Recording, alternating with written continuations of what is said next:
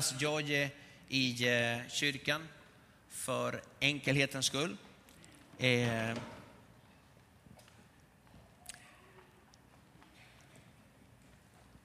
Ett spännande år vi har framför oss. Ett jättespännande år med många nya ansikten. Eh, nytt för mig också, nya kursledaren på Ibios. Så att det, det känns lite pirrig, lite så här förväntansfull. Och usch, känner vi vad kommer att hända det här året? Vad kommer Gud att göra det här året? Det blir spännande. Så välkomna hit Ibios elever och internship-elever och trior och ALT och allt vad ni heter. Välkomna hit alla släktingar, alla vänner. Niklas, så kul att se dig. Uh, så kul, så till att vi kan samlas och fira gudstjänst tillsammans. Ehm, jag vet att det finns människor här som känner, åh, oh, jag vill be så gärna för Ibios eh, bibelskolan. Finns det några som känner så? Ja, en, två, tre, okej, okay, jag slutar räkna. Men det finns de som vill känna ett ansvar och, och sådär och skulle så gärna vilja ha en bild på alla våra bibelskoleelever eh, satte satta på kylskåpet. Ja, och varje gång man går förbi bara, Gud välsigna dem. Ja.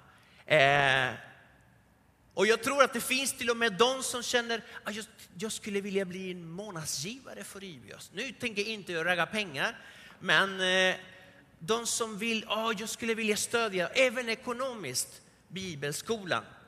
Och jag tänker inte bråka med dig, om du vill det, det får du. Eh, men vi vill veta gärna vad du heter. Eh, så att precis eh, i, eh, i foajén, det kommer att finnas två jättetrevliga elever. Tabita och Charlotta kommer att vara där. Och där kan du skriva ditt namn och din mailadress. Så vi kommer att skicka lite information om vad som ligger framför och eh, liten bild på dem också och så vidare. Så du är jättevälkommen. Ut i foajén, när du ser två trevliga tjejer vid ett stort bord och någon roll-up bakom, där skriver du ditt namn och mejladress. Välkommen till det.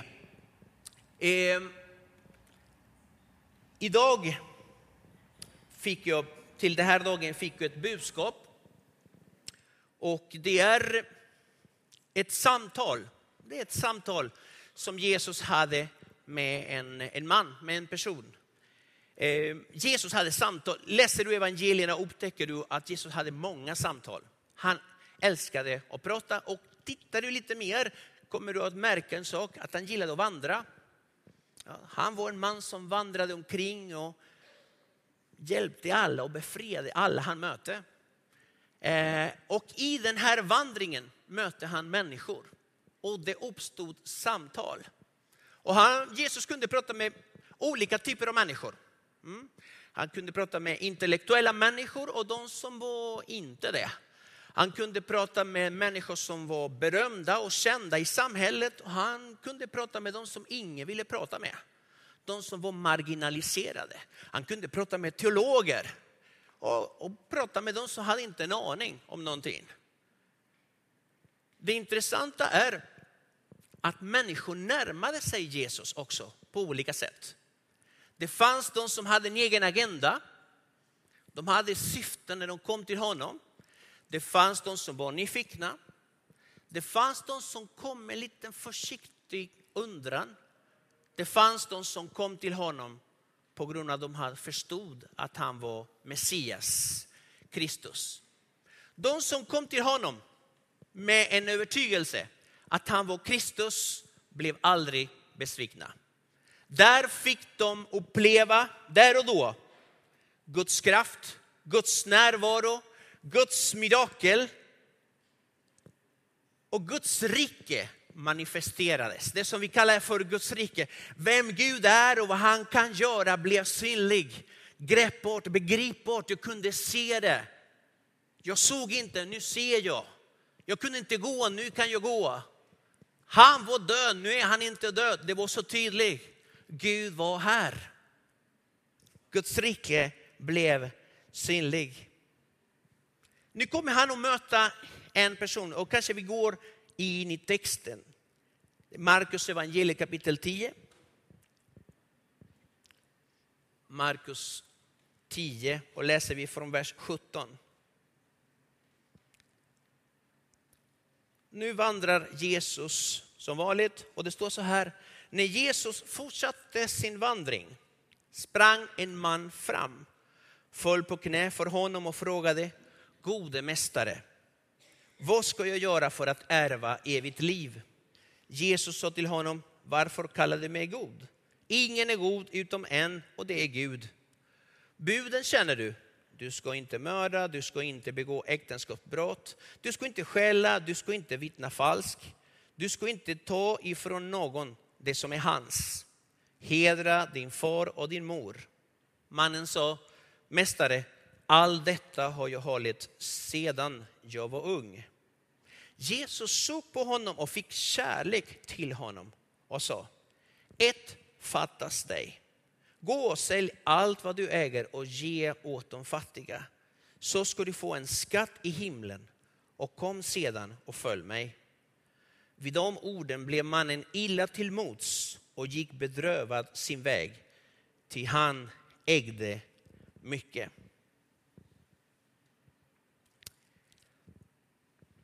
Läser man den här texten kan man tro att den här berättelsen handlar om pengar. Eller bättre sagt, den handlar om en man och hans pengar. Men berättelsen handlar inte alls om pengar, det handlar inte alls om något pris som kostar eller något sånt där. Utan jag, så, jag ser att i texten finns i alla fall fem saker som kan lyftas fram. Och det är den första, det är en fråga om frälsning. Det här är en berättelse. Det här berättelsen handlar inte om pengar utan det handlar om frälsning. Jag vill lyfta fram tre saker i den här texten. Det finns mer. Jag vill att ni ska komma hem och läsa Markus 10. Ni får det i hemläxan. Eh, för det finns mer i texten som avslöjar detta. Det första är att mannen själv kommer till honom och säger, vad ska jag göra för att ärva evigt liv? Det han var intresserad om var att veta hur man blir frälst. Det var frågan. Längre fram i vers 24 säger Jesus till lärjungarna så här. Hur svårt är det inte att komma in i Guds rike? Det har med frälsning att göra. Mm. När man blir frälst, man kommer in i Guds rike. Vad svårt det är att komma in i Guds rike, säger Jesus. Och det tredje, det är lärjungarna. När de hör allt detta, de blir så små förskräckta som vanligt. Jesus gillade att pressa dem. Och då säger mina barn, nej nästa, det var så här, 26. De sa så här, vem kan då bli frälst? Så frågan här, berättelsen här, handlar om frälsning. Och den här mannen, det står inte hans namn, men det verkar som det var en bra man. Det verkar som att det är en man som, läser man texten, en gudfruktig man. Det var en man som eh, levde, hade en hög moralstandard i sitt liv. Eh, men han saknade något. Det var någonting som saknades i hans liv för att det var det han frågade om. Hur kan jag få ärva evigt liv? Hur kan jag bli frälst? Så pengarna ger ingen frälsning. Att ha en hög moralt standard på sitt liv ger ingen frälsning. Någonting saknas. Hur kan jag ärva det eviga livet? Eh, vi behöver födas på nytt. Vi behöver möta Gud på något sätt. Och något nytt föds därifrån. Jag kan inte med egna meriter få känna frälsningen. Längre fram i berättelsen hittar vi när Jesus säger, för er, det var svaret till frågan, hur, men det är, det är hur svårt som helst att bli frälst. För er är det omöjligt. För en människa på egna meriter, det är omöjligt att bli frälst. Jag kan inte bli god nog. Jag kan inte nå Guds standard. Jag kan inte prestera Guds krav. Jag kan inte. För människor är det omöjligt. Men för Gud är allt möjligt, säger han. Gud kan, vi kan inte. En sak som vi brukar göra i kyrkan är att om du tycker att någonting i Bibeln är bra, då säger vi amen. Det är helt okej okay att säga amen i kyrkan. Om du tycker att det var fantastiskt, oj det här var kanon, då säger vi halleluja, jajamän. Och det ska inte kännas pinsamt överhuvudtaget. Vi är Herrens hus för allt i världen. Nej, eller ja. Vi har ett annat exempel i Bibeln. En, en kille som levde verkligen ett bra liv. Och det är Cornelius. Honom hittar vi i Apostlagärningarna kapitel 10. Det står om honom att han var gudfruktig. Det står om honom att han bad jättemycket. Och det står om honom att han var generös. Han gav mycket av sina pengar. Vilken kille, vilka kvaliteter. Jag menar, åh, många sådana i kyrkan tack. Ah? Gudfruktig, han bad mycket och han gav till Herren. Men han var inte frälst. Jag tar det igen, jag tar det igen. Han var gudfruktig, han bad mycket och han gav mycket. Han var generös, men han var inte frälst. Så Gud gör så här. Cornelius, du måste fråga efter en kille som heter Petrus. Mm. Han ska berätta för dig någonting som är intressant. Eh, I kapitel 10 i Apostlagärningarna 4-5, det står så här, dina böner och dina gåvor har stigit upp till Gud som ett offer han kommer ihåg. Sänd nu några män till Joppe och skicka efter en viss Simon som kallas Petrus. Och eh, när Petrus berättar det som hade hänt hemma hos Cornelius, han säger så här att ängeln hade sagt till eh, Cornelius på följande sätt. Kalla hit Petrus, han ska tala till dig och genom de orden ska du bli frälst, du och hela din familj. Ja, ibland tänkte jag, liksom, men hade det inte varit coolare om ängeln hade sagt det? Men det är inte änglarnas uppgift att predika evangeliet. Det är lärjungarnas uppgift att predika evangeliet. Så ängeln pekade på Petrus. Och när Petrus kommer, han skulle uttala ord som skulle leda den här jättefine Cornelius till frälsning. Det är inte det goda vi kan göra som leder oss till himlen. Det är bara Jesus som kan leda oss till himlen. Hans evangelium vägleder oss till korset där vi kan fatta ett beslut. Och beslutet är, jag ger mig i hans händer. Det spelar ingen roll hur snäll man är, hur god man är, hur mycket har man gett, hur mycket man ber. Det spelar ingen roll om du går till kyrkan, det spelar ingen roll om du blir medlem i en församling. Det du behöver är Kristus i ditt liv. Kristendomen har aldrig frälst någon. Kristendomen leder inte till himlen. Det är Jesus som leder till himlen. Och till det kan man klappa händer. Amen. Det är han som leder oss till Det handlar inte om att byta en religion. Det handlar inte om att muslimer blir, blir liksom anammar en ny religion. Det handlar om att upptäcka vem Jesus är, för frälsningen finns i hans namn. Bara i honom. Det är han som förlåter synder. Ingen kyrka kan förlåta synder. Det är bara Jesus, det är bara Jesus som öppnar himlen, det är bara Jesus som leder oss hem till honom. Det är bara han, bara han. Så det är en fråga om frälsning. Men den här berättelsen handlar också, det är en fråga om uppenbarelse. Det är frågan om uppenbarelse. När han närmar sig, när den rike mannen närmar sig Jesus, han säger så här, gode mästare gode mästare. Så han närmar sig honom som att han bor en rabbi. Han har mycket kunskap. Han har säkert kunskap om hur man blir frälst. Han faller, inför, liksom faller på knä och frågar. Så han erkänner att han har med Gud att göra. Han erkänner att han har kunskap, men han har insikt nog att förstå att han frågar själva livet hur man blir frälst. Hur kan jag få det eviga livet? Frågar han till han som sa, jag är livet och uppståndelse. Till han som sa, jag är vägen, sanningen och livet. Mm. Han, han har evigt liv, han är källan till det eviga livet. Han har inte insikt nog att förstå detta. Säg mig, säg mig. Men han förstår inte att han står inför han som är Messias, Kristus, den som skulle komma. I första Johannes kapitel 5 står så här, och detta är vittnesbördet. Gud har skänkt oss evigt liv och det livet är i hans son.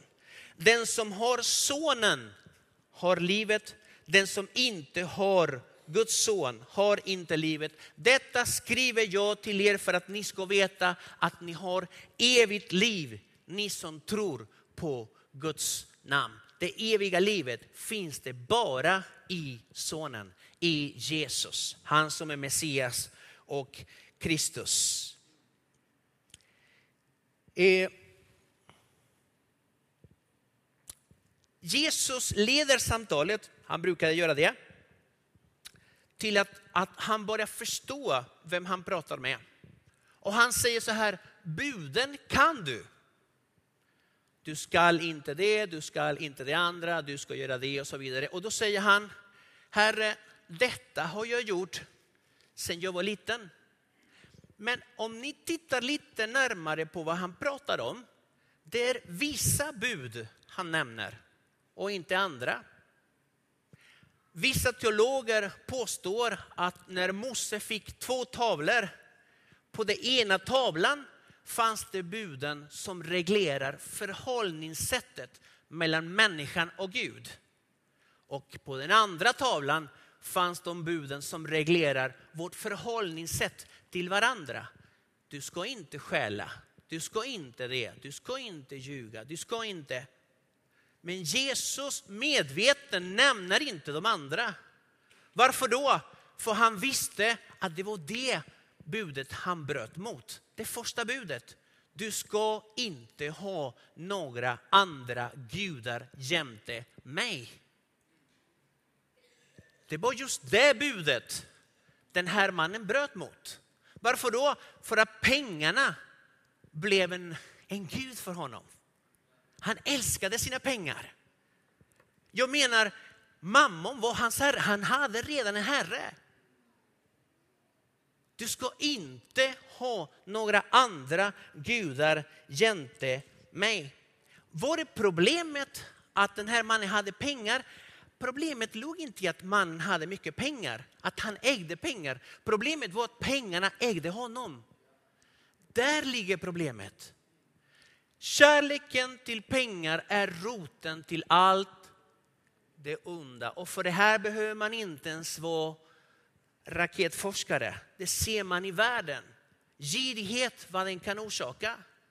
Det kan skapa till och med krig länder emellan. Ingen kan tjäna två herrar. Den här mannen hade redan en herre. En fråga om frälsning, en fråga om uppenbarelse. Nu kommer det tredje, en fråga om efterföljelse. Den här texten handlar inte om pengar, det sa jag i början och det är fortfarande påstår att det är det. Jo, men det skulle kosta honom en massa pengar. Då fokuserar vi på pengarna. För att det vi glömmer är vilket privilegium han fick att bli tillfrågad av Guds son och han ville följa honom. Jag menar om Jesus skulle komma, alltså du känner igen, han kommer med sin dräkt, med sina Jesus-sandaler, han kommer med märken, alltså det går inte att liksom kan vara han eller inte. Nej, det är Jesus som kommer genom eh, bänkarna här och han sätter sig precis bredvid dig. Precis bredvid dig och du vet vem han är. Då blir man så, lite kockig så här. Och Jesus säger till, till dig, följ mig. Min nästa fråga är, vad gör du? Alltså, hade varit jag och han säger följ mig, hur snabbt ska jag springa? Det är min nästa fråga. Hur snabbt ska jag springa? Hur högt ska jag hoppa? Säg mig. Det första han säger är, jo, men det fanns ett men här. Vilket privilegium. Den här mannen blev tillfrågad att följa honom precis som apostlarna fick. Vi vet inte hans namn, men tänk om hans namn hade stått här som en av de som följde honom. Som en av de som var på pingstdagen, som en av de som la grunden för hela församlingen. Tänk om! För att det var detta erbjudandet han fick. Om vi läser texten, det står liksom att Jesus såg på honom och han fick kärlek till honom. Så när, när Jesus säger gör det av med alla dina pengar, det är inte för att han är taskig. Det är inte för att jag vill inte att du ska ha pengar, jag vill att du ska bli fattig. Det är inte det det handlar om här. Utan det är för att han såg att han hade en ankare. Han hade något som hindrade honom. Och därför Jesus av kärlek pekar han på ankaren. Gör det av med det här, annars kan du inte följa mig. Jag vill så gärna att du är med. Tänk att den här mannen hade kunnat vara i en väldigt, väldigt liten skara. Ja, en privilegierad skara som satt bredvid Jesus. Åt tillsammans med honom. Fick undervisning direkt från hans mun. Ah, det hade jag velat vara. Liksom, satt där och bara liksom, åh, du äter din macka, du äter något gott. Och Jesus börjar, ja, Guds rike är som, wow! Det vill man inte missa. Detta var vad han fick för erbjudande. Den rike mannen, han kommer att gå in i historien som han som hade pengar men gick därifrån utan frälsning. Han missade tillfället att följa herrarnas herre och konungarnas konung, vår mästare Jesus. Ja, men pengarna, tänk inte på pengarna. Tänk på förmånen, på privilegiet att få följa Guds son när han var här på jorden. Det var det han sa nej till. En fråga om efterföljelse. En fråga om omvändelse. Den här frågan också är en fråga om omvändelse när, när Jesus talar till honom, han får kärlek för honom. Han säger en sak, ett fattas du. Ett fattas dig. Och då pekar han på det som han behöver, den där bördan, ankaren, det som bromsar honom, det som hindrar honom. Och jag tror att det kan finnas människor här som Gud pekar på. Du kan inte fortsätta med det där. Det där håller dig fast, det där hindrar dig från att följa mig. Gör dig av med det. Det är för ditt eget bästa. När Gud pekar på det, när den helige ande pekar på saker, det är inte för att han är taskig. Det är för att han vill ditt bästa. Av kärlek. Han ser på dig, han bara älskar dig och han säger om du bara visste vad jag har för dig. Sluta och leka med grisarna snälla. Kom till din far, kom hem och du ska, jag ska jag visa vad jag har för dig. Ett fattas dig. En fråga om omvändelse. Vi pratade om att, i början att Jesus, att Jesus fortsatte i sin vandring. Jesus har en väg. Han vandrade på sin väg och där och då träffades en annan väg. Det var den rike mannens väg och de korsades. Och Gud gör samma sak med var och en av oss. På något sätt, våra vägar korsas. Och där, i den där, i den där punkten, mittpunkten, det är då vi får möjligheten att välja. Jag ska fortsätta på min väg, jag fortsätter att vandra på min väg eller jag vänder om och följer hans väg. Där har jag en möjlighet att välja och läser vi till exempel i Markus 10, samma berättelse i vers 22. Det står så här.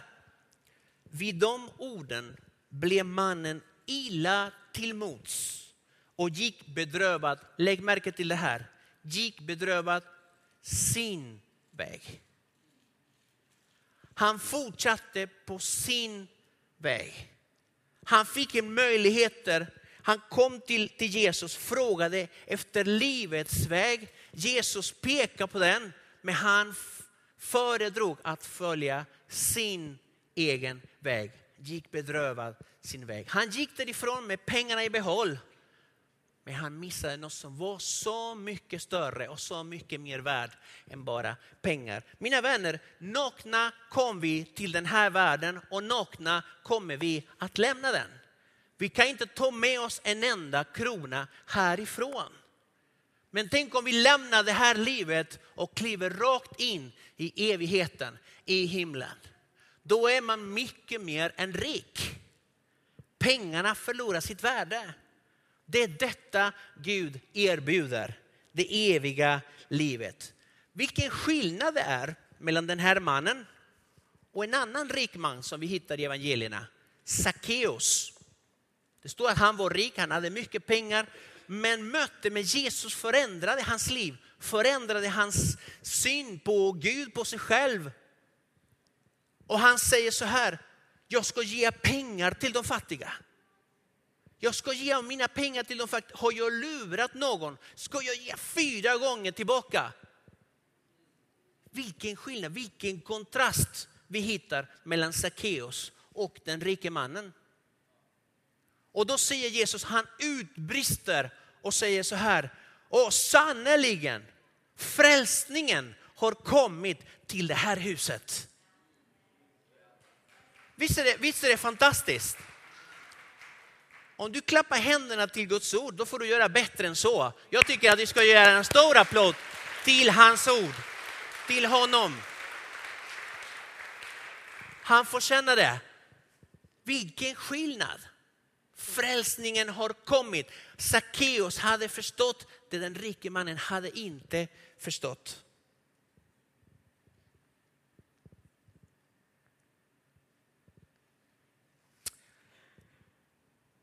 Amen.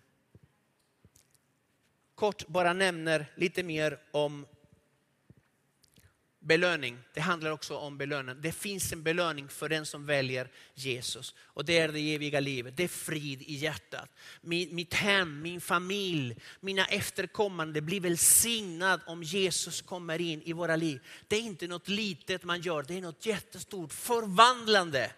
Förvandla hela, hela livet.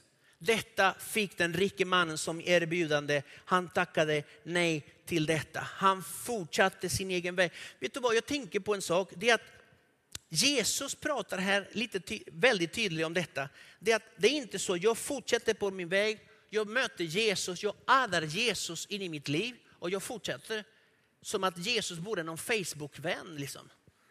Hänger ni med? Jag addar Jesus, det är bra att ha honom i min lista. Jag kan ha honom liksom bland mina bästa vänner.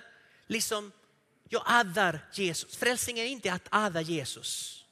Man addar inte Jesus i sitt liv och fortsätter man på, sitt, på sin väg. Utan det handlar om att vända om och göra honom till Herre. Han är ingen Facebook-vän. Ja, jag gillar dig Jesus. Jag gillar. Ja, får se hur många gillar han får. Det är inte det. Jesus är här, han förtjänar att bli efterföljd. Han förtjänar mitt liv, han förtjänar mina dagar, han förtjänar min tid, han förtjänar min kraft. Han är min skapare, han vill det bästa för mig. Han vet att det bästa för mig är att följa honom. När Jesus säger kom, vet du vad det bästa man kan göra? Det är att komma. Han omfamnar mig, han renar mig, han förvandlar mig och efter det säger han gå. Vet du vad det bästa är? Att lyda honom och gå. Han säger kom, då kommer vi. Han säger gå, då går vi. Det är, det är att erkänna honom som min Herre. Den rike mannen fick den här möjligheten. Han sa nej, för att jag gillar mer mina pengar. Det kanske finns andra saker som vi gillar som blir ankare till det här livet. Men Herren pekar hela tiden på ett annat liv. Kan vi böja våra huvud? Vi bara be en liten bön. Och sen efter det, vi kommer ha nattvarden. Nattvarden är också en påminnelse, någonting som pekar på något som hände för länge, länge sedan utanför Jerusalems murar. Och det är när Jesus ger sitt liv för oss. Herre Jesus, vi tackar dig för korset. Vi tackar dig för det som du gjorde där för oss. Tack min Gud för att det är bara i dig vi kan få det eviga livet som Gud vill ge oss. Tack för syndernas förlåtelse. Tack för barnaskapet. Vi är dina barn. Tack min Gud för att vi får alltid komma till dig. Vi får alltid komma till dig Herre. Tack Jesus. Tack Jesus. Tack min Gud. Halleluja Jesus.